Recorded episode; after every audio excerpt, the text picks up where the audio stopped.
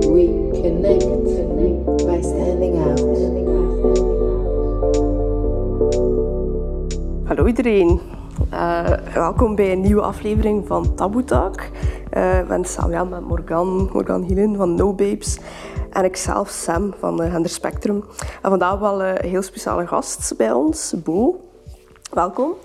Uh, Bo is 20 jaar en is ja, professioneel model. Dus uh, dat wordt zeker uh, heel interessant en ik denk dat we heel veel gaan kunnen leren ook. Dus ja, hallo. Stel jezelf misschien ook een keer kort voor. Hallo, ik ben dus Bo, Boog Bruurs. Uh, ik ben een high fashion model. Um, een non-binair high fashion model. En wat doe, buiten modellenwerk doe ik um, tekenen en collages. Creatief bezig zijn. Ja. En voor je modellenwerk, is dat fulltime? Ja. Echt telkens op verplaatsing en dan zo'n weekje thuis? Of hoe zit dat juist? Ja, ik ben uh, dus een ja, fulltime model. En dat wil dus zeggen dat dat mijn hoofdberoep is. En ik krijg dus opties via agentschappen die mij e-mails sturen en over heel de wereld. Ik ben gebaseerd, uh, ja, placed in, in Parijs en New York, Barcelona, UK, overal een beetje. En ze sturen dus opties en dan kan ik ja zeggen, nee zeggen. Dan wachten of dat er iets komt van die optie en dan ga ik naar die locatie. Ja, maar het lijkt me wel heel intensief. Een heel intensieve job ook. Dat is echt mega vet. Goh, eigenlijk, dat is toch wel iets waar dan veel mensen een fout idee van hebben van de reizen. Ik heb, want veel mensen denken dat ik uh, heel de wereld zie. En wauw, ik ben in Zweden geweest, wauw, ik ben in Barcelona geweest. Terwijl, ik ben zelfs voor één optie naar Hongkong gevlogen voor twee, drie dagen. Afschuwelijk, ik heb Hongkong niet gezien. Oh, ik had 14 uur op een vliegtuig gezeten. Om dan in een studio te zitten. Dus van, ik werd van het vliegtuig in een auto geplaatst naar mijn hotel. Dan van de auto naar de studio. En dan uiteindelijk daar blijven slapen. Auto weer op vliegtuig terug Oh. naar België. En dat is dus, natuurlijk, inderdaad. ja. En dat is dus jammer genoeg eigenlijk wel iets dat vaak voorkomt. Ik ben naar Zweden geweest, maar ik heb Zweden niet gezien. Dat is ook allemaal hetzelfde van hotel naar studio.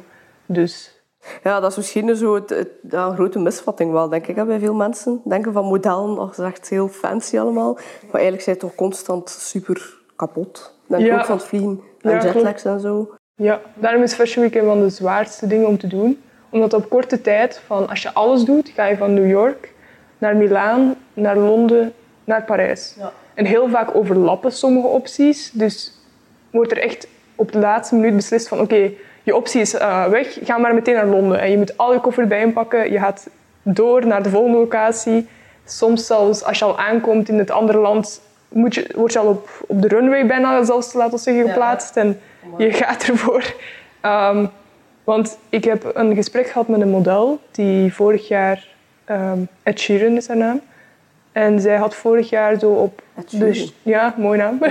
had vorig jaar een, bij, bij de seizoenen een soort van, hoe zeg je dat, een prijs. Je hebt een soort van prijs en categorie in de modellenwereld van de meeste runways gelopen. Ja. En zij had de meeste of een van de meeste. Laten we zeggen 34 of zo. Echt veel.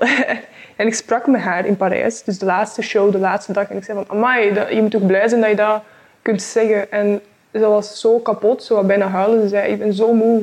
Ik ben zo moe, het is het niet waard, ik ben zo moe.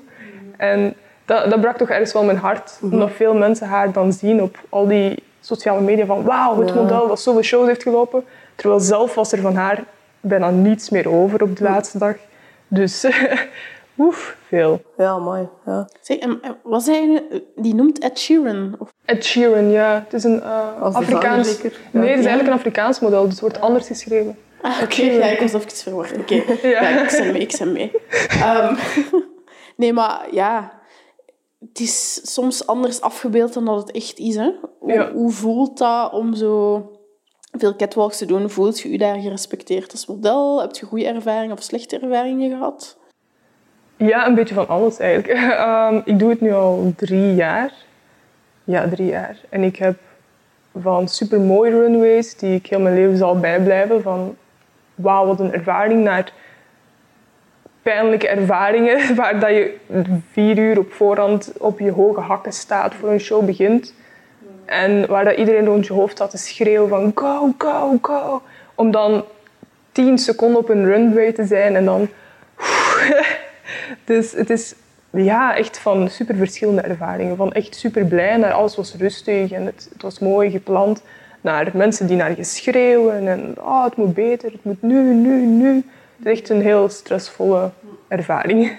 Ja, want ja, ik had het daar net al voor het interview gezegd, maar ik was vorig jaar in Paris Fashion Week. En ik wist totaal niet hoe zo'n catwalk in elkaar zat. Ik wist dat ik zo op een klein podium gepropt ging worden als fotograaf.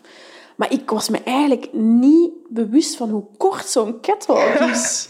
Het is gewoon, de muziek begint bam, bam. Die modellen één voor één op die catwalk. En na twee, drie minuten is dat gewoon gedaan. Dus eigenlijk al die stress dat je ervaart, vier uur op voorhand, is eigenlijk maar voor inderdaad die tien seconden dat je daar op die catwalk staat. Dat is wel zot. Ja, wel, soms heb ik dat ook, dat ik dan denk aan het publiek van wauw, jullie zitten hier een uur om een show van twee minuten te kijken en dan gewoon weer naar de volgende te gaan. Te gaan. Want dat zijn mensen die dus echt een hele dag tjak, tjak, tjak naar de volgende show. Wat wel grappig is, want dan kom je dezelfde mensen altijd buiten tegen van wij gaan naar dezelfde plaats, ik zie je straks. Maar dat zijn wel vaak zo heel bekende influencers. Ik weet niet, mensen op de eerste rijen. En dan... Ja, ja, ik heb echt al heel veel bekende mensen zo gezien en ontmoet. Alleen echt ontmoet, sommigen wel, maar het is uh, heel surreëel om dat uh, te ervaren. Want als je loopt, zie je dat eigenlijk bijna niet. Het is pas dat je dan op sociale media achteraf ziet van, maar die was in die show. En dat je dan denkt van, amai, wauw. En oh, dat is toch cool dat die mij dan kunnen zien. Ik had die ervaring met uh, Christine and the Queens. Iemand waar ik ontzettend naar opkijk. En ik vond het een heel gekke gedachte dat iemand die ik altijd al live heb willen zien en die mij zo inspireert om eigenlijk het omgekeerd te hebben. Dat, dat die naar mij zaten te kijken terwijl ik aan het op was. ik van wauw, dat is ook wel gek dat, dat ik dat mag meemaken. Dus dat is wel cool. Hm. Maar je, je, vertelde al een keer tegen mij dat je heel jong was toen je um, allez, als model begon bent. Ik wil eerst vertellen aan de luisteraars hoe dat je daarin gerold bent en hoe ja. dat werkt. Ja, ik was uh, 17. Het is eigenlijk uh, ja, nog een gek verhaal. Oh, gek. Ik was met mijn zus en vrienden in, op de Merf in Antwerpen aan het lopen. Uh, en opeens komen er van die twee grote, knappe mannen op mij afgestapt. En uh, mijn zus en al die vrienden kwamen opeens zo voor mij staan. Om die waren van, gevaar, gevaar. Dit is een shady situatie. En die mannen waren ze van, hey, wil jij model worden? En iedereen was van, wat? Model? Louche, niet doen. En ze zeiden van, ze waren echt niet pusherig. Ze waren van, weet je, hier heb je mijn kaartje. Mijn kaartje. Kijk naar, de, naar onze site. En als je dress hebt, kom naar onze casting. En we, we zullen zien. Natuurlijk was mijn eerste gedachte van, uh, nee, dit is super raar. Maar dan uiteindelijk, s'avonds ben ik op de site gaan kijken. En ik was van, why not? Why not? Ik zal het gewoon eens proberen. Ik, ik ga naar de casting en ik zie of het legit is of niet. En één keer op de casting had ik echt wel een klik met die mensen. Want ze zeiden hun agentschap is personal agency. En ze zijn echt heel, zoals hun naam zegt, heel personal met, uh, met hun modellen. En ze had nog maar één ander model en ik zou dan hun tweede zijn. En normaal zou je dan zoiets hebben van, oeh, doe het niet, een raar situatie. Maar ik voelde echt, aangezien dat ze zelf model waren geweest en ik voelde hoe oprecht dat ze waren, dat ze met me inzaten. En ik heb dan de kans gewaagd en ik zei van, ja, oké. En ik dacht echt in het begin van, ik zal hier enkel in België werken. Ik zal echt iets stoms. Ik zal misschien voor de Lidl of zo. zo. Alleen niet dat het stom is, maar ik, wil, ik zag gewoon zijn van die kleine dingetjes zo dat mensen gewoon zien staan. En een maand later stond ik in Parijs een show te lopen voor Ive van der Vorst. Damn. En dan, daar ben ik opgepikt geweest door een Frans agentschap.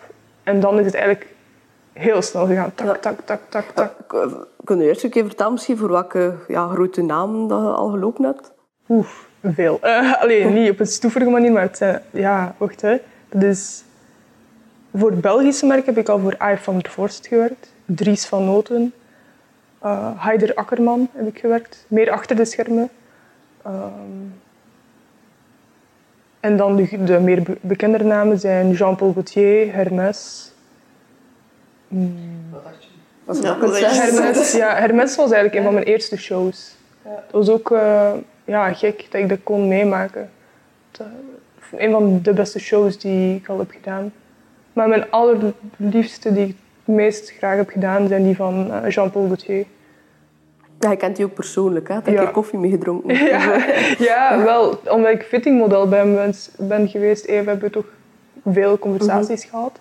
Ik, ik heb ondertussen nu vier shows gedaan. Vier shows, ja. En ik heb de grote eer gehad om zijn laatste afsluitingsshow te mogen meelopen.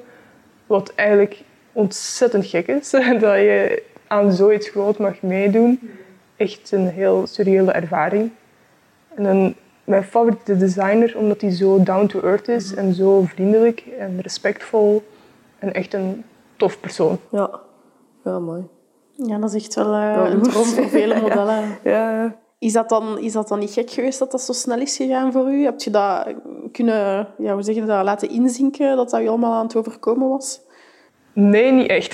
Het is pas eigenlijk, denk ik zelfs nu, door dan zo te moeten stilstaan, even door de omstandigheden nu met corona, dat je zo begint terug te kijken naar wat ik allemaal heb gedaan. En ik had eigenlijk niet beseft dat ik al zoveel had bereikt. En ik was van, oh wauw, oké. Want deze job geeft je echt nooit tijd om na te denken. Het is van, het, van de ene campagne naar een show. Het, het speelt zodanig met je emoties. Het kan gaan van, jee, je bent confirmed voor iets, ga je doen? Naar de volgende dag, oh nee, ik, ik ben ge- gecanceld. En dan, oh, weer een optie. En, dus is, ja, je staat er allemaal niet bij stil wat er eigenlijk allemaal gebeurt rond jou.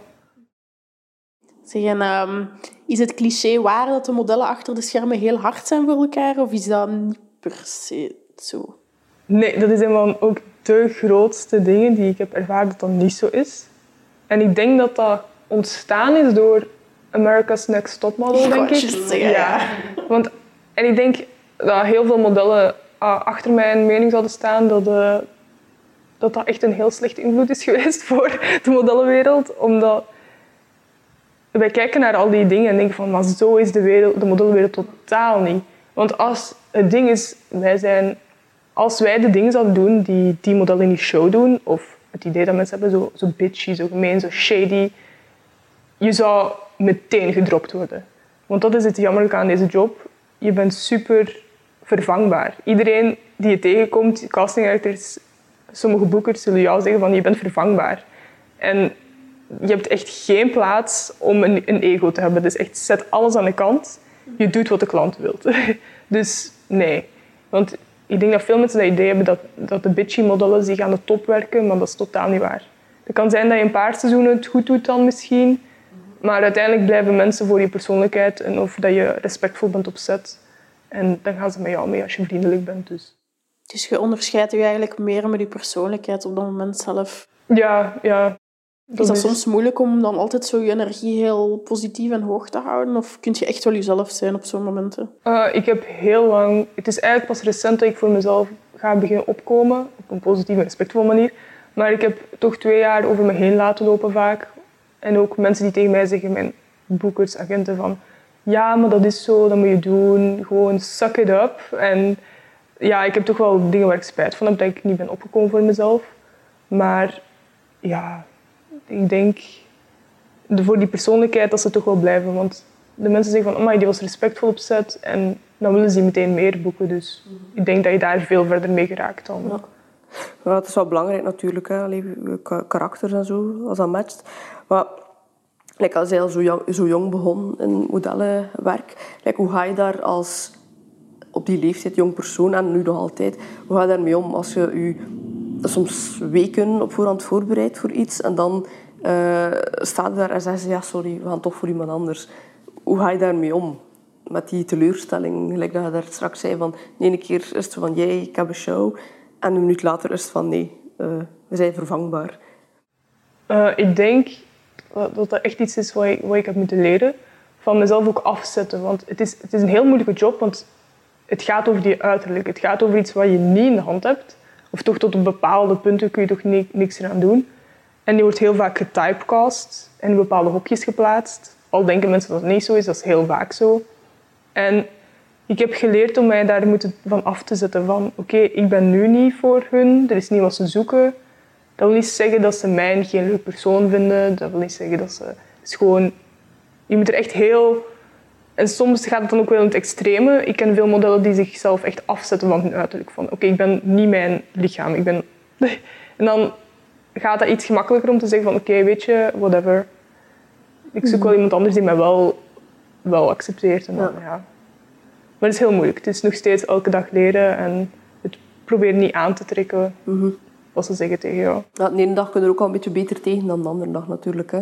Klopt, ja. Ja, maar ik geloof ook wel dat dat bij veel ook jonge meisjes toch wel eetstoornissen kan opwekken. Als je zo constant een nee hoort, of je bent te dik of te klein of whatever, dat dat toch wel... Is dat waar dat dat in de sector toch wel leeft Ja. nog altijd, Ja, eetstoornis? een heel... Ik vind het altijd gek als mensen in mijn omgeving, mijn vrienden, over modellen praten van oh wauw en oh, zo mooie mensen en oh, ik wou dat ik zo zelfverzekerd was. Als je op, dat heb je heel vaak dat je op Instagram kijkt naar influencers. Wauw, ik wou dat ik die persoon was, die zelfverzekerdheid. Wel, ik kan je zeggen dat al mijn vrienden, al de modellen die ik ken, zijn de meest onzekere mensen ooit. Die, ze hebben zich zo van hun lichaam afgezet dat ze zichzelf niet meer zien als iets die zien zichzelf echt als een... Omdat je zo behandeld wordt als een object, ga je zelf als een object zien. Van oké, hier moet ik nog wat afdoen. Uh, mijn huid moet strakker. ehm, en ze beginnen echt ja, niet te eten voor dagen. Ik heb samengeleefd met modellen die ja, echt eetstoornissen hadden. Dat je op set ook ziet dat iemand een eetstoornis heeft. En Dat is wel heel confronterend en moeilijk om mee om te gaan. En ook om de agentschappen en boekers dat soms echt wel veroorzaken. Omdat ze zeggen van altijd van je moet je heupen tot een bepaalde mate krijgen. Je moet bepaalde, maar je kunt niet kiezen om op een bepaalde plaats af te vallen. Dat is onmogelijk. Dus dan moet je eigenlijk al op andere vlakken afvallen en dan ben je weer ongezond. En dan zitten ze daar weer over bezig. Het is nooit goed dus eigenlijk. Ja, wat vind jij van een schoonheidsideaal eigenlijk? En wat, wat zijn zo de maatjes dat, dat Gelle moet bereiken om mee te kunnen lopen op de catwalk? Allee, welke, Ehm. welke omtrekken zijn dan normaal gezien en hoe realistisch is dat eigenlijk? Het belangrijkste is je heupen. Daar ga- zul je elk model over horen. Dat moet onder de... Voor mij is... Ik heb natuurlijk denk ik 93 van omtrek. En het moet 90 of eh, 89 zijn. Dus het is altijd rond het 90 of zelfs onder het 90. Zelfs vaker veel meer onder het 90. En dat is absurd, want je zit gewoon op je bot en je kunt niet meer doen. En het ding is waarom ik mezelf heb geïntroduceerd als high fashion model is, ik doe ook couture. En daar is waar het gewoon gek wordt, want couture is nog kleiner. Dus je hebt pret-à-porter, je hebt de eh, ready-to-wear collecties. Daar kunnen ze soms nog van oké, maakt niet echt uit. Maar in de couture is het waar het echt heel fout gaat. Daar is het dat het echt... Daar moet je een skelet zijn want ik denk nu aan Iris van Herpen. Dat is een een designster die heel vaak de meest magere modellen inhuurt, omdat haar silhouetten zo gemaakt zijn. Die zijn gemaakt op die poppen die zo smal zijn. En de, ja, ik vind het afschuwelijk om couture te, te zien en ziek maken. Ja, dat is echt absurd dat, dat modellen eruit moeten zien als poppen. Like, Waarom zijn er niet meer designers die gewoon zeggen van hé, hey, laten we er gewoon vijf centimeter bij doen als we aan het ontwerpen zijn? Allee, ja, ik weet niet. Het is misschien niet zo simpel, maar toch. Ja, ik, heb, eh, ook, ik ben ook fittingmodel geweest van... Bijvoorbeeld bij Jean-Paul Gaultier was ik fittingmodel. Wat wil dat zeggen? Dat is voor de collectie. probeer ze alle looks eens uit voor de show. Van oké, wat werkt, wat niet. En zeker bij Jean-Paul Gaultier, dat is een couturemerk. Dat is allemaal handgemaakt. En doen ze alle, alle aanpassingen. Dus ik kwam binnen nog, laten we zeggen, drie dagen voor de show. Passen ze alles op mij. En sommige dingen waren echt te klein voor mij. Maar dat was dan gewoon omdat ze... En dan passen ze dat aan. Maar uiteindelijk passen ze dat weer aan op het model zelf dan. En dat vind ik wel interessant, dat bij couture dat ze dat alles aanpassen op het model. En oké, alles past perfect. Terwijl bij ready-to-wear is alles dezelfde maat. En daarom moeten modellen zo mager zijn. Je moet alles kunnen aandoen eigenlijk. Want als ik bijna confirmed word voor een show, moet ik naar de fitting gaan. En daar beslissen we ze van, oké, welke outfit gaan we deze persoon geven. En dan moet je soms meerdere outfits aandoen. En als je dan in die niet past, ja, pech. Dan, dan ga je in niks passen. Dan word je gewoon gecanceld. Dus ja, Maar, ja, ik snap wel, de, de, druk is zodanig hoog. Ik, ik verschiet daar al van. En je zelf ook gestruggeld met een of andere eetstoornis? Of, al ja, Ik zou het zelf geen eetstoornis noemen. maar ik denk dat elk model, hoe hard je er ook tegen werkt, zal vroeg of laat iets ontwikkelen dat je je heel leven zult bijhouden. Het is bij mij zodanig erg gegaan dat ik momenten had dat ik in winkels liep, dat was echt als ik heel full in de wereld zat en niet, niet veel naar huis ging. Ik zat full in de wereld, ik liep in winkels en ik zag andere modellen op... Ja, je weet wel als je winkels opziet, de, de campagnes, de dingen. En ik, ik had zoveel haat en jaloezie. Ik was van, ah, die heeft die campagne gekregen, ik niet. En ik begon echt iedereen op straat, zelfs mensen op straat, begon ik te zeggen van, ah, die is dik, die is te... In mijn hoofd dan, hè, van, oh, die heeft dat. Dus dat ik begon opeens te merken hoeveel invloed die wereld op mijn mentale dingen had. Dat ik zelfs mijn vrienden, mijn familie begon zo te bekijken als objecten. Van, ah, je zou dit kunnen doen. Hè. Je zou echt... En dan over mezelf is dat dan ook begonnen dat... Ah, ik zou toch wat magerder kunnen zijn. Ah, ik zou toch wat... Het is altijd wel iets in mijn hoofd dat... Oh, mijn heupen oppassen en oppassen wat je eet. En ik denk wel dat dat iets is dat daardoor is gekomen en dat waarschijnlijk mijn leven wel nog zal blijven doorgaan. Ja, Ja, wat echt wel verstaanbaar is als mensen constant ook zo naar u kijken. Als je altijd in omgevingen zit waar modellen ook zo naar hunzelf kijken. Dus ik denk dat dat bijna onvermijdelijk is. Dat is gewoon het fucked up, sorry dat ik het zeg, aan, aan, de, aan de industrie, de Ja. mode-industrie gewoon. Maar eigenlijk, eigenlijk, ik, ik weet niet hoe lang dat, dat duurt, ja, een paar weken of, of, of maand zelf, dat je van huis bent, dat je shows doet. Like, hoe, hoe ga je daar dan mee om? Like, like, ik merk dat zelf als ik zo op kamp, dat is een stom voorbeeld, maar ja, op kamp en ik kom dan thuis gevallen in een zwart gat. Like, is dat bij jou ook zo? Like, als je dan hè, een paar weken weg bent, je komt thuis en in een boerengat zeker dat ook woont, ja. Boerengat niet, maar toch. is- Ja, toch ja. Het is geen grootstad, ja. Hoe, hoe, allee, eh, is het dan, ja, ik weet niet, in je kamer eh, alleen? Hoe ga je daarmee om? Maar in één keer ook een stuk stress dat wegvalt en zo. Wel, ik ben dan sowieso al sinds mijn twaalf bij een psychologe. Die ja, natuurlijk niet gelinkt aan modellenwerk, dat is pas later uiteindelijk gekomen. En een autismecoach heb ik ook, eh, maar dan later gekregen. En in het begin kon ik daar absoluut niet mee omgaan. De eerste keren waren dat zo, zo diepe tallen. Nu, nu weet ik het. Nu weet ik, kan ik mij voorbereiden van oké, pas op, dat gaat er aankomen. Maar de eerste keren waren zo moeilijk. Omdat, zoals ik al aanhaalde, ik zag mijn beeld is anders. Ik kijk opeens anders. Alles is fashion. Alles is maten. Alles is... Alle conversaties is fashion. Alles is fashion. Eh, ik loop in de straat in Parijs, Parijs. Ik moet oppassen. Als ik gezien word, kunnen mensen me fotograferen. Ik, moet altijd, ik, ik zit altijd in een rol. Je bent altijd in een rol. Als je dan thuis komt, bij je familie, valt dat dan weg. En dan toch verlies je ergens je identiteit. Want je bent dan zo van, "Wa- wie ben ik dan eigenlijk? En dat was altijd een soort van gevecht van, wie ben ik hier? Omdat dat zo'n contrast was met wie dat ik daar was. En dat was en is nog steeds heel moeilijk om mee om te gaan. En het is zeker geen job waarbij dat je s'avonds kunt zeggen van... Het is geen job van, van ochtends vroeg tot 's avonds laat en dan zet je je wekker en je gedachten op iets anders. Modellenwerk blijft doorgaan. Zo tot 's avonds laat, 's ochtends vroeg, in de weekends. Je hebt geen weekends, dus... Constant zit je in die gedachtegang. Dus. Ja, je sprak daar straks van zo... Ik weet niet, voor het interview misschien. Ik weer alles door elkaar aan het gooien. Maar zo van de verschillende niveaus of de jaren dat nodig zijn om echt serieus geworden te noemen als model. Kun je zo'n vergelijking maken van hoeveel je in het begin verdiende als model en waar dat je nu ergens terecht bent gekomen? Wel, geld is een heel moeilijk thema in modellenwerk. Want vanaf dat ik iemand zeg van ik ben model, denkt hij dat ik ontzettend rijk ben, grote jobs verdien. Absoluut niet waar. Een van de grootste dingen dat je moet weten is, in het begin vorm je je portfolio.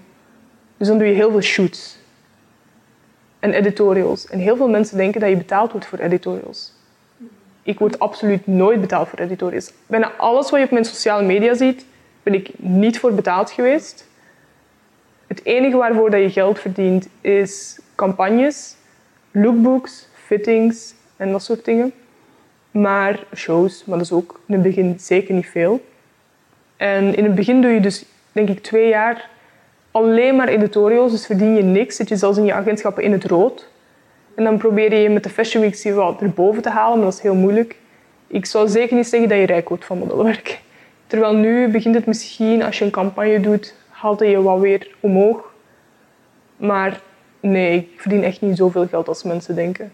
Maar merkt je wel dat als je in één campagne te zien bent, dat er wel andere campagnes uit voortvloeien? Komt je dan in een bepaald netwerk terecht waar ze u al oppikken?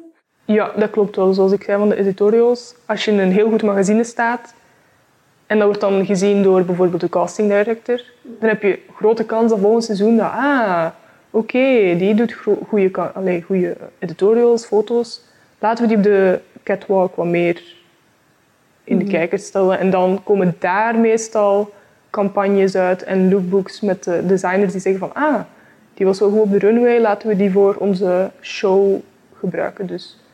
En daar zit ik nu ongeveer, dat ik zie dat, dat ik toch wat meer inderdaad van ze zien mij vandaar, dan krijg ik daarom daardoor meer andere jobs. Maar het probleem is dat ik in het begin niet hard genoeg heb gevochten, ook omdat ik niet kon, voor het non-binaire. En heeft iedereen mij een soort van in een heel vrouwelijke cultuur beeld gecreëerd. En dan kreeg ik jammer genoeg typecasting, alleen maar dat soort campagnes, dat soort jobs. Daar word ik heel triest van. Dus probeer ik nu zeker veel meer te vechten voor het non-binaire. En daar merk ik een klein beetje verschillen, maar het is nog heel moeilijk. Hm. Ik ben heel blij dat je erover begint. Want inderdaad, uh, in, de boekjes, nog heel ja, man-vrouw, heel binair. Like, hoe, hoe, zit dat juist? Uh, omdat zij dat dan moeilijk was voor ah, als non-binair iemand dan. Uh, is die modewereld zo binair? Absoluut. nee, echt absoluut. Het probleem begint al... Ik, laat, laten we zeggen, ik ga bij een agentschap. Dan ga je bij de Women's Board of het Men's Board. Daar kom je al op een groot obstakel. Oei, ik, hoor bij geen twee. Of waar hoor ik me dan het meest uit? Dus dan bots je al op een groot probleem. Dan, oké, stel nu, we hebben ons daar kunnen overzetten. Ik sta op de beide borden, whatever. Ik ga naar de castings. Daar vragen ze dan meteen, wat ben je? En oké, daar kun je misschien je nog op in zeggen van, dit ben ik, accepteer mij. Maar dan komen we aan Fashion Week. Hetgene waar iedereen het altijd over heeft. En het grootste van het grootste. Als je al weet dat er een Fashion Week man is en een Fashion Week woman, zoals met de mainboard, dan kom je echt in grote problemen. Want er zijn niet alleen maar maatproblemen van je heupen die moeten passen, ook je lengte. Dus voor mannen moet je minstens 1,83 meter zijn. Waar de meeste transgender mannen of non-binaire of zelfs gewoon vrouwen al nooit aankomen.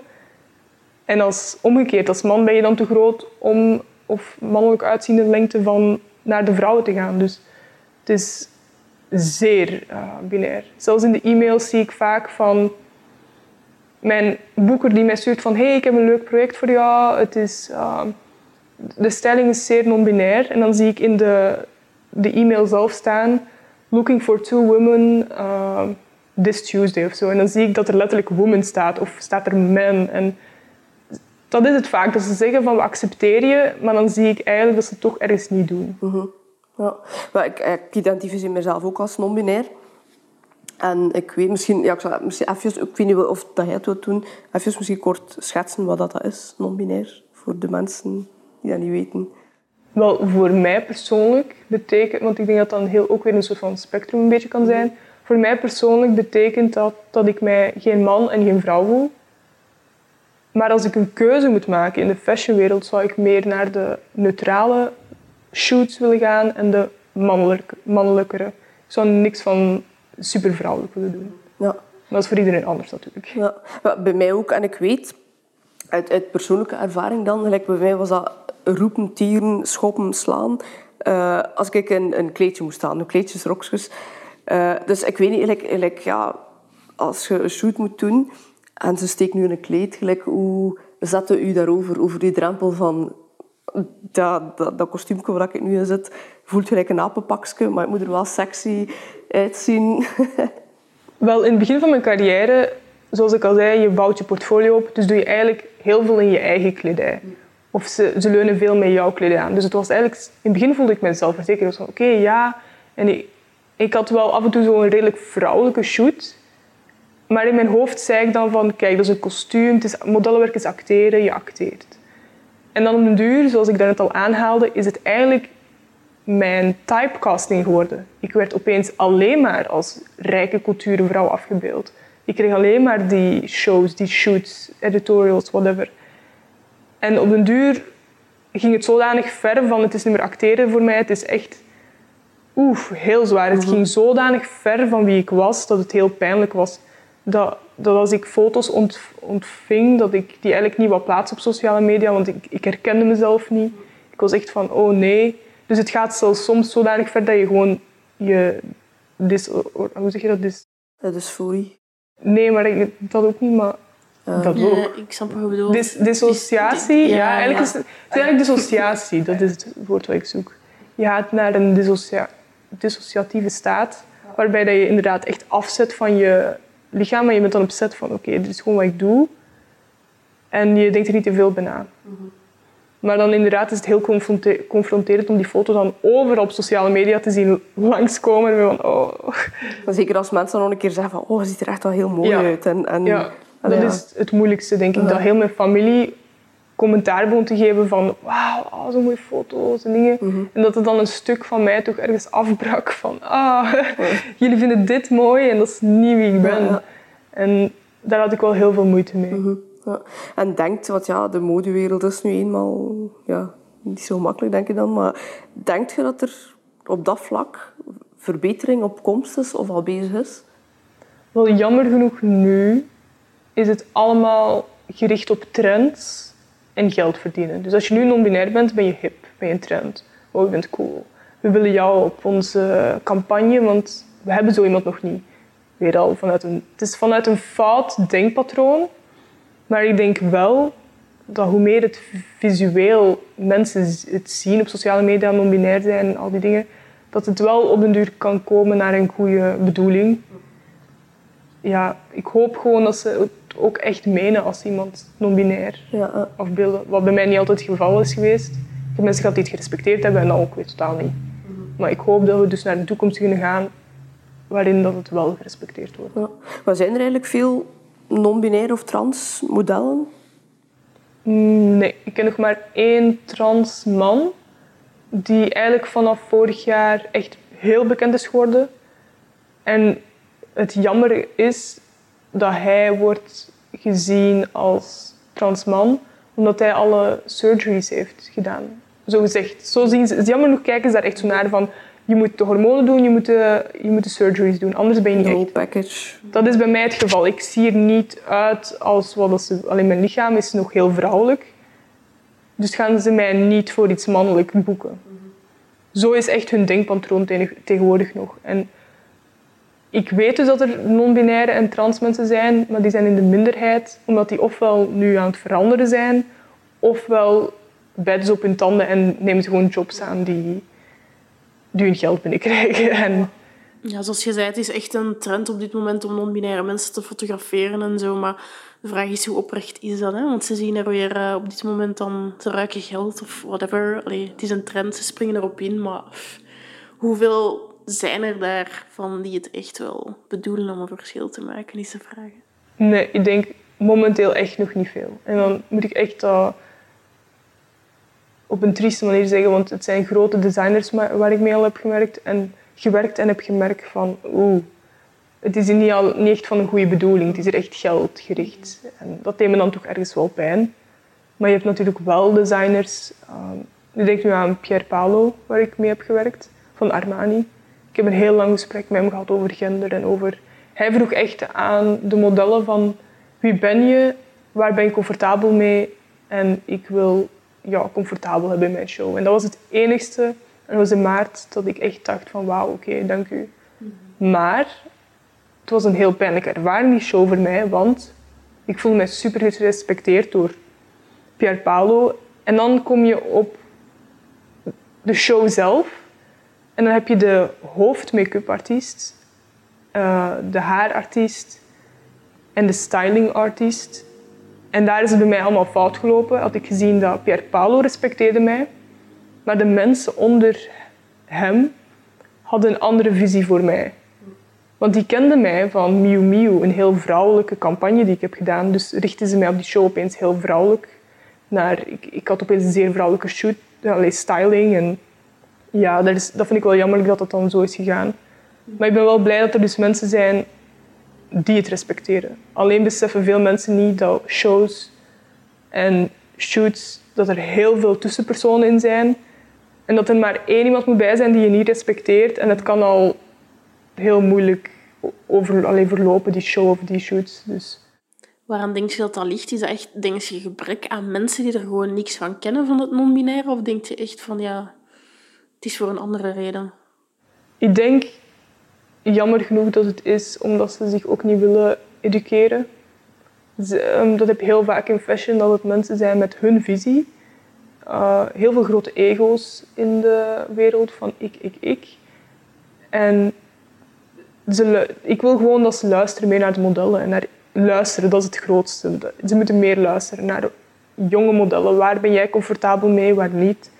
En ik denk dat we dan zoveel verder kunnen gaan. Dus ik hoop dat die bekende mensen of die grotere mensen die de keuze hebben om een respectvolle omgeving te creëren, dat die meer luisteren naar iedereen.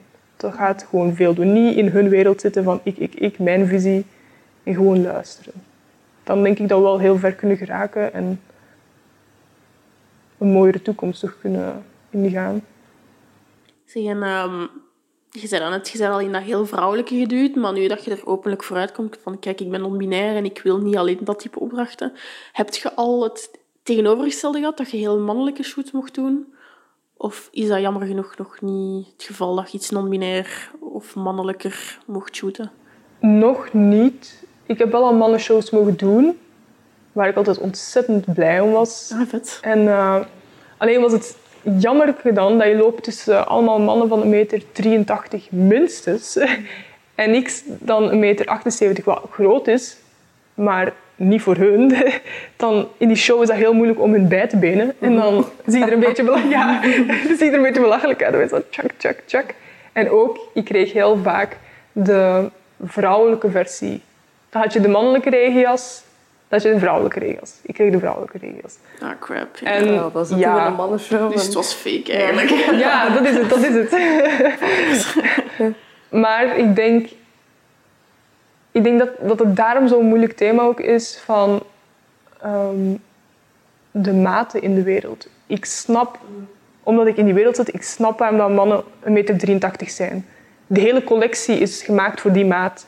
En als jij dan als transgender persoon of als non-binair persoon komt en je bent een meter 78, die, die kleren zijn zo groot en dat ziet er niet mooi uit. Natuurlijk willen ze je dan in je show. Maar ik vind het dan jammer dat ze niet de extra stap willen nemen om het dan te willen aanpassen op jou. Dat het er goed uitziet. Dat, want het is belachelijk om deze maten vol te houden. Want trans mensen zeker kunnen nooit voldoen aan die maten. Dat is absurd. Door genen en hormonen. En dat verbaast me eigenlijk dat je zegt van er zijn nog geen designers die op Fashion Week zijn met hun collecties voor transgenders en queer persons en zo. Want ik weet wel dat er veel designers mee bezig zijn, maar ze worden precies zo nog wat achterwege gelaten of zo. Ja, ik denk ehm, in New York misschien heb ik ook al voor plus-size models veel meer gezien. En dan denk ik dat ze veel beter daarmee omgaan met het dan ook echt aan te passen of al in hun hoofd hebben van oké, dit model zal het dragen. En dan alles mooi erop af te stellen. En ik denk dat het in Londen en Parijs en Milaan, waar ik shows vaak loop, zie ik dat ze dat allemaal absoluut niet doen. Daar doen ze zo weinig mogelijk om hun dingen aan te passen. Daar zouden ze zelfs geen grap, daar zouden ze zelfs een model dat ze graag willen. Ze geven die de outfit en het past niet. Zouden ze dat model gewoon cancelen om iemand anders te nemen die het wel past. Ook al past het niet bij het waren alleen misschien hielden ze van een model het gezicht of het type, maar whatever, het past niet, we zoeken iemand anders. Dus dat is wel pijnlijk. ja, absoluut, inderdaad. Ja, dat is uh, ja, harde wereld. Ik zou het er niet voor mij zijn. Ja. Maar ik snap eigenlijk maar al die druk. Um, en je daar nu al over verteld hebt. Ik snap ook wel, ja, mentaal is dat soms heavy. En ja, misschien, komt dat ook misschien dat ook zo'n een misvatting, hè, maar uh, door films en zo te kijken, uh, dat er zomaar heel veel geëxperimenteerd wordt met drugs en zo in het uh, modellenwereldje. Is dat realiteit? Of is dat ook zoiets van op tv's en, en films? Mm. Ja en nee. Ehm, niet in het extreme, zoals op tv natuurlijk. Alles is drama, alles is vergroting. maar ik weet wel er is een hele cultuur bijna rond modellen die tussen Fashion Week heb je eigenlijk mensen en dat zijn promoters. Die gaan je na castings of via sociale media allemaal contacteren van hey, we hebben een feest. eh, wil je komen vanavond? En die worden dan eigenlijk het is een heel vreemd systeem. Het is, eh, als ik dat aan mensen uitleg, klinkt het een beetje prostitutie. Ja, want wat doet die persoon? Die wordt betaald per model dat hij binnenkrijgt. En soms kun je als model geld verdienen. Soms vragen ze van, oh, wil je naar dit feest komen? Er zijn bekende mensen. Je wordt 200 betaald voor een avond. Wat is allemaal zeer... Gewoon gezicht te laten ja, doen. Ja. Ja. Ja. Maar ik heb wel al situatie... Ik ben eens denk ik twee keer mee geweest naar die feestjes om gewoon eens te weten wat het is. En ik weet wel dat er ook echt modellen zijn die zichzelf echt voor prostitu- prostitutie zouden... Die avond, dat je die niet meer ziet. En dan ben je van, oké. En dat je ook weet dat achter de schermen op die feestjes wel aan drugs wordt gedaan. En zelfs, ja, misschien zelfs meisjes die gedrogeerd worden. En echt in die situaties ben ik wel al een beetje terechtgekomen dat ik van, oké, dat is allemaal niets voor mij. Uh, ik hoef hier allemaal niets van te weten. Ik vind het een zeer shady, vreemde wereld. Maar zo heb ik wel gezien in het uitgaansleven dat eh, bij modellen dat wel voorkomt. Ja. Maar nooit op set, uh, niet op shows. Wel, je weet niet, sommige mensen misschien wel. Dan hebben we het over designers misschien, of over mensen die heel stressvolle posities hebben, dat kan. Ja. Maar eh, niet, dat ik, eh, niet dat ik weet. Nee. En waarom denk je dat gelijk, inderdaad gelijk op die feestjes? Is dat dan ook omdat, omdat sommige mensen gewoon even zo die druk en al willen vergeten? Of, eh, Ja, dat denk ik wel. Dat, dat soms, ik, ik heb modellen gekend die zeiden van ah, ik moet gewoon van me afzetten. Mm. Als die, want een van de saaiste jobs die redelijk wat geld kan eh, opleveren, is fittingmodel zijn. En dat kan zijn dat je dan maanden bent, voor een, maanden voor de show nog is. Doe je elke dag kleden, elke dag, of zelfs ze worden gecreëerd op jou. En, pff, dat is heel, heel de tijd recht staan, heel de tijd saai en zeer eenzaam. En nog iets in de wereld, een zeer eenzame business. En ik denk dat daar mensen wel uitvluchten zoeken van oké, s s'avonds feesten, morgen Ja. komen we er wel weer. Maar dat is niet de eerste keer dat ik dat hoor, want ik heb al, eh, we hebben al een gesprek gehad met escortes, ook voor Taboe Talk onder andere. En zij vertelde ook wel zo van, ja, de echte high-class escorts, dat zijn echt professionele modellen. En die gaan voor 50.000 per avond met een Hollywoodster in bed gaan liggen en de volgende dag staan die weer op set als model. Dus het Ja. is wel een ding, blijkbaar. Het is Ja, ja, ja. Ik weet van de underground feestjes, die... In Fashion Week zijn er heel veel bekende mensen. En ik weet van een model die ja, inderdaad cocaïne heeft gedaan met een heel bekende muzikant. Waar ik toch van geschrokken was en ik dacht van wauw, moesten mensen dat weten? Dat, van die gerespecteerde mensen, dat je denkt van wow, het is toch wel... Maar ja, dat, is, dat, is- dat hoort je wel vaker ook inderdaad. Zo echt zo de bekende sterren en overal is gewoon dik snuiven. Ja. en dus, eh, Ja, ook ja, bij ja. muzikanten, bij actrices, acteurs, Hollywoodsterren. Maar zelfs in België tussen de BV's is blijkbaar al wel eens Mhm. Ja, zo. Heb ik al gehoord, hè? Noem geen namen. Ja, Nee, maar ik snap dat wel. Allee, ik bedoel, het is een heel stom voorbeeld, maar gelijk horeca alleen al, dat is al zo stresserend. En ik merk echt gewoon, ja, de, de helft van de horeca-mensen zit, zit aan de kook. Dus ik kan, wel, kan er wel in komen dat zeker in, in zo'n business, allee, dat er wel wat drank en drugs soms aan gepaard gaat. Ja, want ik weet ook wel van... ehm, in collecties heb je natuurlijk de hoofddesigner, maar ik, ik heb als fittingmodel ergens gestaan en dan kom je zo eigenlijk de, de studenten tegen. Zo die studenten die modescholen doen en dan eigenlijk daar het, het naaiwerk tot drie uur in de nacht zitten doen. En ik denk wel dat het daar heel veel ook aan drugs wordt gedaan. Die mensen, omdat, ze kunnen niet. Ze moeten, de collectie is morgen is de show. We moeten dat allemaal nog oplappen. Go, go, go, go. Dus er hangt ook echt heel veel druk en stress. En dat is soms wel moeilijk om dan daar te komen om je fitting te doen. En die, om met die mensen dan moeten omgaan, is heel, heel moeilijk. Wat zijn er, maar, vrienden van u, mede, allee, collega-modellen, het gaan mensen zien kapot gaan aan stress of aan druk of aan alcohol? Allee, mensen dat je echt ziet, ziet wegkwijnen eigenlijk. eh. Flauwvallen. Ja. Flauwvallen veel. Heel veel. Dat die waarschijnlijk heel weinig eten met de stress en Ja. de druk. Ja. Ik heb zelf ook al momenten gehad dat ik op shows, omdat je zo lang op soms hakken of zo, laten we zeggen hakken, dat je bloedsomloop is dan heel raar als je dat niet gewoon bent. En je mag niks eten en die stress rond jou, dan ja, er zijn al mensen geweest die midden in de line-up naar beneden vallen, op de runway vallen, gewoon zelf oprapen en go, go, go. En ja, dus heb ik wel meegemaakt. Modellen flauw vallen en gewoon naar buiten moeten gaan even van oké. Dus even een heel andere vraag. Maar hoe zit het met seksuele intimidatie in de modellenwereld? Is daar veel sprake van? Want ik kan wel beseffen... Allee, nee, niet beseffen, maar inbeelden dat je wordt al als product bekeken, dat sommige mensen gewoon de grenzen gewoon los overgaan. Absoluut, absoluut. Uh, ik heb op jonge leeftijd al gezegd van ik doe geen naakt dingen, ik doe niets daarmee. En zo heb ik mezelf heel, heel goed kunnen afschermen van verdere dingen, maar ik weet wel van vrienden dat het heel... Er zijn echt situaties die niet kunnen. En je hebt op Instagram Diet Prada, denk ik, en Shit Model Management. En die hebben heel soms uh, dat die namen op hun Instagram zetten. Uh, van fotografen, stylists, artiesten. En soms zelfs verhalen van modellen, anoniem. Die vertellen wat er met hun gebeurt. En zo hou ik mezelf ook wel up-to-date. Van oké, bij die moet ik niet gaan, die moet ik wel gaan. En dat is dus wel handig. Maar ik weet wel dat het echt heel veel voorkomt. Dat de grenzen niet gerespecteerd worden. Mm. En... Ja, ik ben nog niet zo internationaal als u, maar ik heb wel in Parijs gezeten en vooral in, in de Belgische scène. En ik denk dat ik geen enkel model ken die nog nooit te maken heeft gehad, al is het maar via chat, met een pervert gewoon. Met iemand die zich voordoet als een fotograaf en dan ja, ja. Tot, tot echt verkrachting opzetten. Dat is echt ongelooflijk, de verhalen die ik soms hoor. Ja, klopt. Ja, er zijn echt... Uh... Ja, ik heb ook wel zo opmerkingen of zo van die situaties dat ik denk van oké, okay, hier wil ik weg.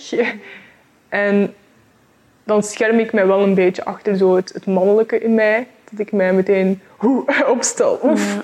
En dan worden ze wel meteen van oké, okay, oh, nee, nee. Ik stel mij altijd heel sterk op van met mij kun je niks proberen, niet, niet doen.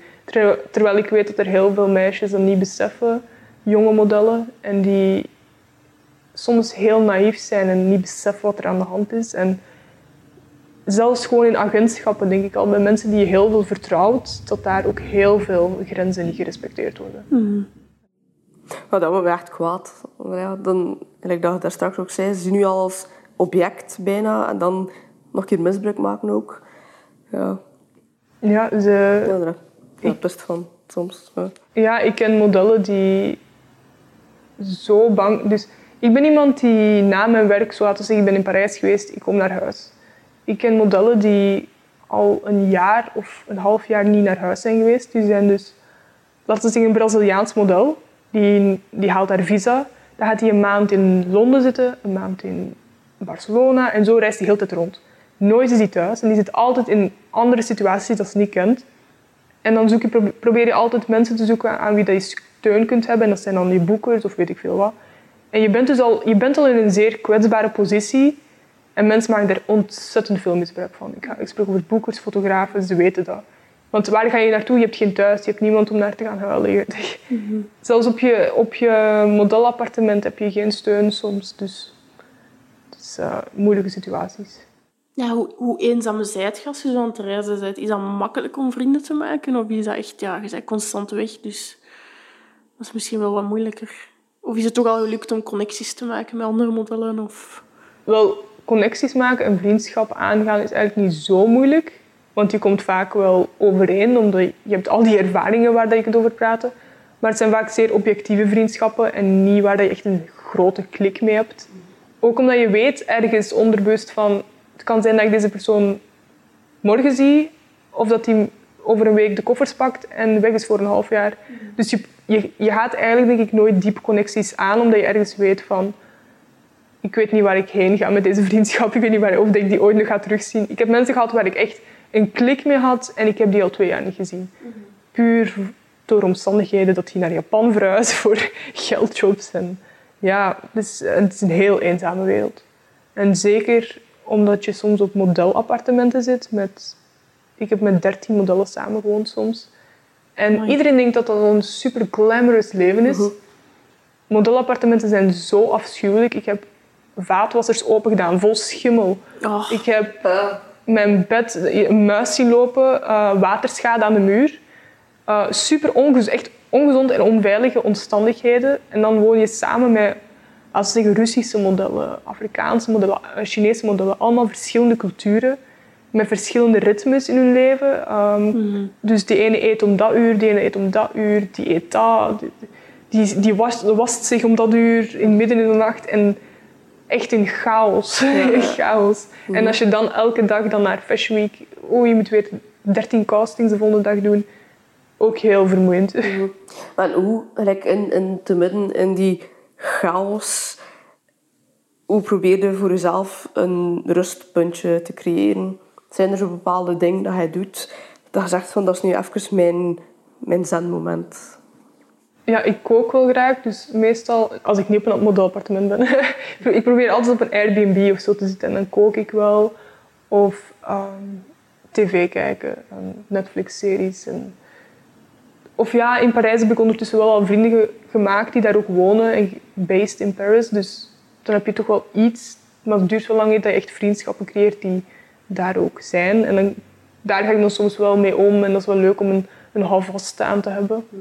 Maar voor de rest heb je eigenlijk echt heel weinig tijd zelfs om na te denken. Of het is gewoon thuiskomen, bijna slapen eigenlijk. En de volgende dag weer opnieuw. Dus Zouden er zo tips zijn dat je een beginnend model zou geven met de ervaring dat je nu hebt? Van iemand die echt zou starten, laten we zeggen morgen op Fashion Week of zo? Ah ja. Goh. Ik denk zeker van... Besef dat je een beginnend model bent. Dus je moet een beetje dingen doen dat je, je niet wilt doen. Maar ga nooit over je eigen waarden en normen. Ik bedoel, nog steeds respectvol zijn. Natuurlijk, je gaat soms een job doen van, oké, we doen het. Maar ga nooit ver van wie je bent. En zeker educeer jezelf. Want het is een wereld waar je niks van kunt weten. Er is geen eh, how-to guide. Dus probeer met veel modellen te praten. En er zo leer je heel veel. Van oké, daar, dan moet ik dat doen, dan moet ik dat doen. Ehm, en probeer zeker niet te naïef te zijn. Als iemand iets wil van jou, wat wil hij van mij? Alles in vraag stellen. En zeggen van wat wil hij van mij? Wat, wat kan ik doen om dit te doen? En niet te veel persoonlijk nemen. Gemakkelijker gezegd dan gedaan natuurlijk. Je een beetje afzetten van de commentaar die je over je heen krijgt. Maar voor de rest is het echt een job waarbij dat je veel moet doen om te leren. En aldoende, aldoende leert men in die job zeker. Ja. Maar je doet, je- ja, doet dat werk al een paar jaar. Je bent nu twintig. Gelijk, is dat de job dat je... ah, Ik bedoel, eh, wilt je dat nog lang doen? Nog veel jaren? Of eh, zijn er andere dingen dat je nu meer op toespitst? Eh, absoluut zou ik het wel nog een paar jaar willen doen, omdat ik zeker een stem wil zijn voor non-binaire mensen. En ook ergens ook een beetje voor autistische mensen, want ik ben autistisch. En ik wil toch zo wat meer daarvoor uitkomen en te tonen van je, het kan, je kunt het. En dat mensen een positief voorbeeld een beetje hebben. Ehm, en daarom wil ik daar zeker mee verder gaan. Dat ik een beetje een verandering kan brengen als het mogelijk is. Maar het is zeker niet de, de droomjob. Ik doe, het is niet iets dat ik heel lang wil doen. Ik zou misschien meer met mijn kunst willen bezig zijn later. En eh, acteren zie ik misschien mezelf ook wel nog doen. Het zou nog een gemakkelijke aansluiting zijn. dan. Merk je dat je autisme, want je hebt dat net benoemd, dat dat een voor- of nadeel is voor deze job? Het heeft zijn voor- en nadelen. Ehm, een van de, de moeilijkste dingen is de onvoorspelbaarheid natuurlijk. Als een autistisch persoon is een van de grootste dingen dat je niet van verrassingen, verrassingen houdt. Of van, je moet een beetje controle hebben. Je wilt controle hebben. Terwijl in de modellenwereld, er is geen controle. Alles ligt uit jouw handen. Zelfs je carrière ligt niet in jouw handen. Alles ligt in iemand anders in handen. En dat is heel moeilijk om daarmee om te gaan. Maar ik vond het wel interessant om model te zijn. Om een beetje te kunnen omgaan met mijn autisme. En te leren van, kijk, het is oké om soms geen controle te hebben. Het is oké om soms onverwacht ergens naartoe te moeten gaan. Want zo heb ik echt al... Ik ben al zodanig veel uit mijn comfortzone geweest. Dat ik heb geleerd van, ah oké, het is niet zo eng als ik dacht om buiten mijn comfortzone te zijn. En ja, het is zeker iets dat mij soms naar beneden haalt. Als ik dan te gefixeerd word op de controle. Maar aan de andere kant kan ik het wel balanceren met dan ja, eruit leren en mee verder gaan. Ja, ik had nog één vraag en dan denk ik dat we naar de afsluiting toe moeten gaan, maar ik kan blijven babbelen. Ehm even naar de Belgische fashion scene. Van hoe, hoe zit dat nu eigenlijk? Kunt je hier als model echt een carrière hebben of moet je echt al internationaal gaan om je centen daarmee te verdienen? Je moet zeker internationaal gaan als je geld wilt verdienen. Tenzij je een commercieel model bent dat toevallig heel goed in het Belgisch plaatje past. Ik pas absoluut niet in het profiel van een Belgische. Uh, maar ik weet, mijn agent, uh, Erik, een van mijn Belgische agenten, die is model hier in België, grotendeels. En die kan zo zijn geld verdienen. Dus ik denk wel, het hangt heel veel van je, hoe je eruit ziet af, denk ik. Dus het is ja, misschien, mogelijk. want wij kennen dat nu allemaal, maar wat is het verschil tussen high fashion en commercieel voor de mensen die dat niet kennen? Ah, ja. Wel, high fashion is al meteen, je doet runways en je doet editorials. En high fashion, dus de hoge, grote merken, staan daar meestal in, in ja, bij, komen daarbij. En dan heb je de commerciële. En dat zijn modellen die ook veel minder streng zijn op hun lichaam. Daar moet je echt niet zo super strikt je, je heupen of zo. Tuurlijk, je moet er nog steeds strak en gespierd of weet ik veel wat uitzien, maar niet zo strenge maten. En je doet eigenlijk heel veel ehm, commercieel werk, zoals de naam zegt, waarbij dat je dus in boekjes staat, maar dan bijvoorbeeld voor een, eh, co- een collectie van merken, voor Zalando, ik weet niet allemaal. Echt puur commercieel. Altijd alles wat je dan draagt is om te verkopen, verkopen, verkopen. Terwijl high fashion is ook editorials en dat is meer de kunst en de... Ja, dat zijn Verhalen. meer zo de atypische gezichtjes en Ja, artistiekere klopt. Ja. mensen. En de commerciële is meer zo de Ja. klassieke schoonheden. Ja, ik hou van high fashion, echt. wel. Mijn droom is dat ook om je nog wat meer eh, in Parijs te zitten en eh, daar misschien wel wat connecties te leggen. Dus ik ja, Ja, kijk eigenlijk- zeker op naar u. Commerciële modellen mogen zelfs niet eens opvallen. Je moet in een... Dat zijn meestal heel... Dat zijn supermooie mensen natuurlijk. Dat zijn heel klassieke... Voor, natuurlijk, voor het hangt van het land af, maar hier is dat vaak, laten we zeggen, al geen jonge mensen. Ik denk dat hier meestal, als je een commercieel model bent, ben je meer in de eind de 20, 30. En dan sta je meer voor de Zalando, de... Allemaal schoenenwinkels. En, Ja, de mensen met een mooie Colgate-smile. En, ja, eh, ja, die dingen eigenlijk. dus de Ja. charmante Ja. girl next door vibe, Ja. toch? Ja. Het ding bij commercieel is, is dat je dus mooi bent, maar je mag niet opvallen. Want iedereen moet zichzelf een beetje kunnen herkennen. Moet, het mag niet om jou gaan. Terwijl in high fashion ben jij als model meer een deel van. Jij bent de persoon die de outfit maakt. Jij, bent, jij maakt het speciaal. Of daarom word jij gekozen omdat je, weet ik veel wat. Terwijl dat is het grootste verschil, denk ik. ja. Dat is mij ook al opgevallen, inderdaad. Ik heb nog nooit eh, gekeken naar een plakkaat gedacht, "Hmm, dat, is, dat een keer een model dat ik eh, herkend heb van een, eh, een ander affiche. Ja. Maar ja, misschien voor, voor een beetje af te ronden, want de tijd... eh, allee, het is zodanig interessant. Eh, maar ik heb, misschien- ja, omdat de podcast gaat over taboes doorbreken, wat is het grootste taboe dat jij nog door- doorbroken wilt zien? Klopt die zin, ja? Ik denk het. Ja. en eh, ja, als het gaat over, over de, de ja, modewereld. Ik denk vooral omdat ik het soms moeilijk vind om tegen... Ik durf soms zelfs niet eens tegen mensen te zeggen dat ik model ben. Omdat daar zoveel dingen bij kijken dat veel mensen niet beseffen of weten. Iedereen heeft zo'n beeld van een model. En je bent glamorous, alles wat ik al heb besproken. Je bent rijk en al die dingen. Dus ik zou zeker willen dat mensen zich meer educeren over de modellenwereld. En zo hun kijk op de modellenwereld een beetje veranderen. Want ik heb hier al heel veel dingen tegengesproken dat, waarvan mensen al dachten dat dat waar was. Maar ik denk dat dat toch een van de grootste dingen is. En natuurlijk het gender, dat dat veel meer iets dat is dat besproken moet worden in de fashionwereld, de modellenwereld. Dat je mag opkomen voor wie je bent eh, en je gender. En dat we zo misschien zelfs van de Men's Fashion Week en Women's Fashion Week, dat we die namen gewoon kunnen schrappen en een veel openere fashion kunnen creëren. Ja, dat zou echt de max zijn. Ja, Yes, yes, please. Nee, top. Oké, dan gaan we bij deze afronden. Maar we willen u super hard bedanken dat je zo open bent geweest. En dat je heel veel mensen bijgeleerd sowieso ook, gaat inspireren. Daar twijfel ik niet aan. dank u, dank u. Ehm, ja. ja, eens hoop- een zin om af te sluiten. Ja, nee, eh, ik Sorry, ik, nee, maar ik, at uh, ik hoop ook echt wel dat mensen ook wel ook met meer ehm, hoe moet ik het zeggen, respect ook wel gaan kijken naar modellen. En inderdaad niet zien als object, want eh, soms, en dat vind ik echt wel heel grof, gaan ze zelf niet vragen voor zichzelf, maar gaan ze er gewoon naast staan met een telefoon.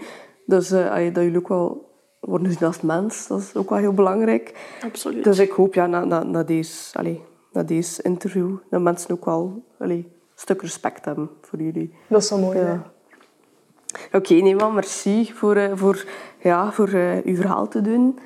En uh, ja, ik hoop dat we toch, al is het maar een paar mensen, maar toch kunnen allee, geïnspireerd hebben. En ja, ik hoop echt wel ja, dat er, de, de modewereld hè, dat een beetje minder, minder binair wordt. Dat hoop ik ook. Ja. Want ik denk, Zalando is nog niet... Uh, Zalando. Uh, Zara of zo. Ik weet niet, genderneutrale kledij. Hoe dat, dat zit. Ja, dat is echt belachelijk hoe weinig dat dan ja. altijd is. Hè? Ja, dat is ook zo wel iets dat ik nog meer wil, uh, mm. zien. Ik ken modellen die daarvoor staan. En dat is ook blijkbaar niet zo fijn om daar model voor te zijn. Mm. Meestal, als je eigenlijk de grootste merken, die zijn eigenlijk van... Mm. Right. Ja, big business, uh, money, money, money. Money, money. Ja, money. Exact. Alright, oké. Okay. Maar heel erg bedankt. En tot de volgende podcast. Ja, tot de volgende keer. Bye.